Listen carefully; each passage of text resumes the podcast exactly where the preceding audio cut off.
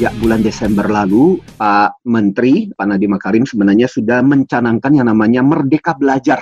Bahwa banyak pola pendidikan yang akan diubah. Jangan melulu soal multiple choice, tapi bagaimana yeah. melatih siswa berpikir, menalar, kreatif dan ya. Benar. Dan saya masih ingat di salah satu wawancaranya di CNN Indonesia itu Pak Nadiem itu bilang begini, sangat tidak mungkin kan kita mengukur kreativitas, kolaborasi, atau compassion, kepedulian. Berarti itu kan bagian-bagian dari IQ ya dengan menggunakan tes-tes pilihan berganda. Berarti sebenarnya guru harus lebih kreatif juga. Itu pengumuman bulan Desember, eh tahu-tahu kita kena pandemi. Sebenarnya ini bukan cuma terjadi di Indonesia.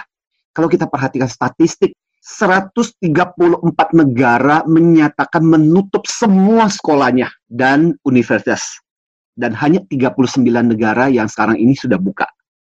Dampaknya hampir 98,5 persen dari siswa ternyata apa? Belajar dari rumah. Cuman masalahnya banyak. Guru stres, siswa stres, orang tua juga stres. Ini sampai ada yang mengatakan begini, gara-gara pandemi semua rencana pembelajaran berantakan, Pak. Banyak guru kami yang hanya memindahkan ruang kelas ke ruang online. Guru capek karena nggak terbiasa, orang tua banyak yang jengkel karena diminta mengawasi, murid pun banyak yang mosan katanya pertanyaan yang muncul bagaimana menyikapi orang tua yang marah-marah saat dimintain bantuan pengawasan mereka. Untuk kerjain tugas kan kita butuh bantuan kalau enggak orang tua siapa yang bisa ngawasin coba. Okay. Jadi para lagi orang tuanya itu sampai ngerjain tes online. Sekarang ini kan sekolah-sekolah udah harus bersiap diri menyambut pendidikan ajaran baru dengan cara yang kemungkinan besar school from home.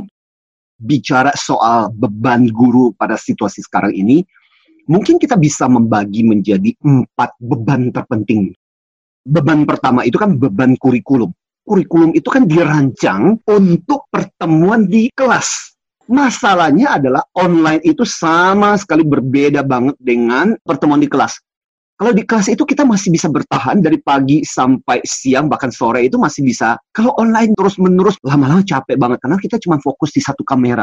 Nah, iya, sementara yeah. beban kurikulum itu mesti disampaikan. Yang kedua beban stres karena mesti adaptasi dengan cara yang baru apalagi guru-guru yang baby boomer, guru-guru yang jadul, yang tadinya nggak terbiasa, malah nggak terlalu suka dengan alat-alat gadget, tiba-tiba harus berdamai dan menyesuaikan diri dengan teknik dan teknologi yang baru. Nah, beban yang lain, of course, banyak siswa yang jenuh karena mesti terus-menerus perhatian. Jangan yeah. sampai misalnya contoh tiga jam, sejam aja udah capek banget. Jadi itu juga bikin guru stres karena melihat muridnya stres beban emosional dan stres yang berikutnya juga adalah dengan para orang tua yang tadinya nggak terlibat, eh tiba-tiba dikasih tugas untuk ikut membantu anaknya. Guru jadi susah juga. Gimana caranya harus menerangkan pada orang tua? Nah, tiap-tiap negara itu berbeda sikapnya. Gurunya juga. Karena memang mungkin dari dulu udah terbiasa. Misalnya contoh Menteri Pendidikan Spanyol kerjasama dengan televisi dan radio. Menyiarkan sehari itu lima jam yang terkait dengan program pendidikan. Dan guru-guru pun karena sudah tahu bakal belajar tentang apa, guru-guru pun akhirnya udah siap ikut bersama-sama mendengarkan dan habis itu kemudian menjadikan itu sebagai bahan untuk dibahas. Ada Meksiko, malah udah 50 tahun mereka punya siaran pendidikan. Siaran-siaran mereka pendek-pendek antara 5 sampai 30 menitan. Nah, habis itu itu dipakai sebagai bahan mengajar di Uruguay. Wah, lebih maju lagi. Mereka sejak tahun 2012 itu hmm. sudah mengenal yang sekarang ini banyak dibahas blended learning, memadukan antara tatap muka di sekolah dengan pembelajaran online. Makanya ada istilah namanya sinkronus dan asinkronus. Sinkronus itu yang tatap muka real time, jadi waktunya bersamaan. Bisa okay. tatap muka di kelas, bisa tatap muka melalui online. Nah, asinkronus dikasih tugas nggak langsung tatap muka. Bisa juga misalnya gurunya merekam video, bikin rekaman suara, dan itu dipostingkan dikasih kepada muridnya supaya muridnya bisa belajar. Keren kan? Yang menarik adalah gini kalau kita bicara tentang para guru ciri-ciri IQ yang bagus di tengah situasi work from home ini ada tujuh hal dan ini menjadi tantangan buat para guru. Pertama-tama adalah mindsetnya mesti kreatif. Ya. bisa memadukan metode-metode. Dengan kata mm-hmm. lain dia inovatif.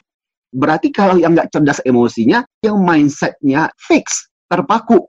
Pokoknya saya itu cuma bisa mengajar kalau tatap muka. Tapi masalahnya gurunya senang, muridnya yang senep. yang kedua, dia juga mulai dengan energinya yang positif. bagusnya adalah guru ini bisa membagikan energinya. Saya menyebutnya ini guru-guru yang antusias. Kalimatnya tetap positif, cara jawabnya tetap positif, cara dia merespon juga positif.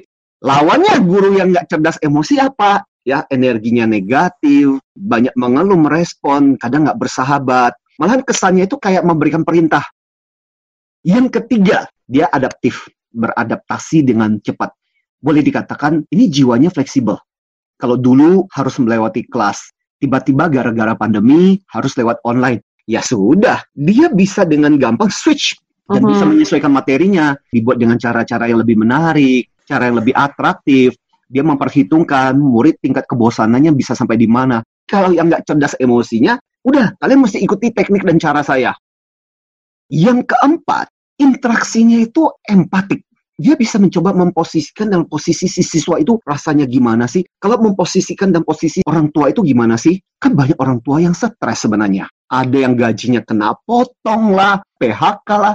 Nah, murid-murid pun jadi stres karena apa? Orang tua mereka stres. Berarti kalau yang nggak cerdas emosinya, orang tua dan siswa dipaksa bahwa kalian harus mengerti posisi kita sebagai guru. Eh, kalian tahu nggak? Kami guru tuh stres karena ada banyak kurikulum yang mesti dikejar. Nah, kelima, komunikasi gurunya lebih intensif dibandingkan biasa, tapi suportif. Ini mungkin sebagai sebuah ilustrasi buat kita, ada satu orang tua yang sampai mengatakan begini, ini contoh lah. Dia bilang gini, Pak Antoni sebagai orang tua, saya menghargai guru anak kami yang sangat positif, Pak. Anak kami dikasih tugas, tapi setelah tugas dikumpul, masing-masing orang tua diberikan komen-komen positif tentang hasil kerja anak mereka yang membuat orang tua bisa merasa bangga dan senang dengan kemajuan anak-anaknya masing-masing. Kalau yang nggak cerdas emosinya, komunikasinya ya sulit dijangkau dan juga nggak sportif.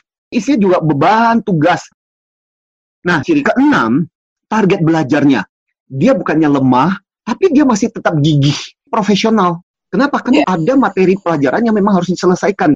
Berarti kalau yang nggak cerdas emosinya, ya udahlah tugas pengajaran ya udah selesai selesai kelihatan kan sebenarnya guru yeah. yang punya antusiasme, punya passion gitu, dia akan mencoba gimana yeah. caranya, apa yang bisa dilakukan untuk membuat proses pembelajarannya itu jadi menyenangkan.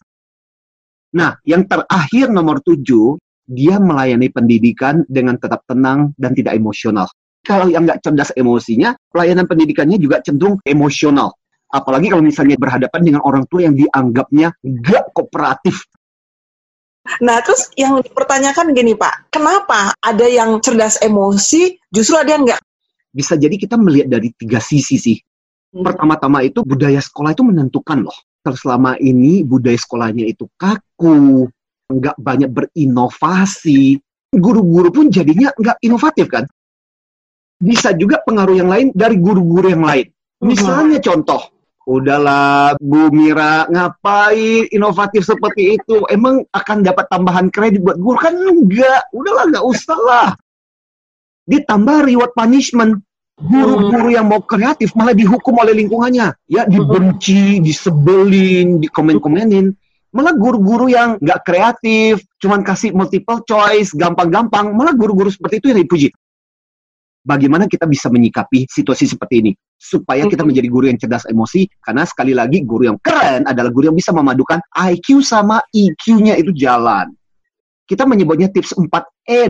E yang pertama adalah belajar untuk embrace, yang merangkul bahwa belajar untuk menerima dengan cepat dan berdamai dengan situasi ini secepatnya. Yang kedua, belajar untuk excited lah. Karena emosi itu menentukan bisa melihat dari sisi yang satunya lagi. Kalau nggak ada situasi seperti ini, kita jadi nggak belajar hal-hal yang baru. Yang ketiga, equip. Equip itu apa? Memperlengkapi. Artinya apa? Tantangan baru membutuhkan skill baru, membutuhkan kompetensi baru. Saatnya buat kita untuk menilai juga sebagai guru pendidik, kurangnya gue di mana ya?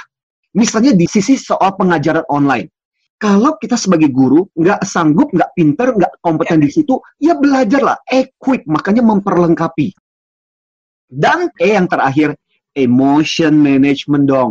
Karena kalau nggak stres kita nular. Kita pernah kasih yang teknik flow, how do you feel, perasaan kamu gimana. Habis itu L, apa yang kamu pelajari?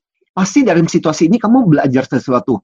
Dari perasaan itu sebenarnya apa yang dikatakan? Oh, saya cemas, saya bingung Berikutnya objektif. Lihat situasi sekarang secara objektif. Kemudian W wisdom. apa yang bisa kamu ubah, apa yang tidak bisa kamu ubah.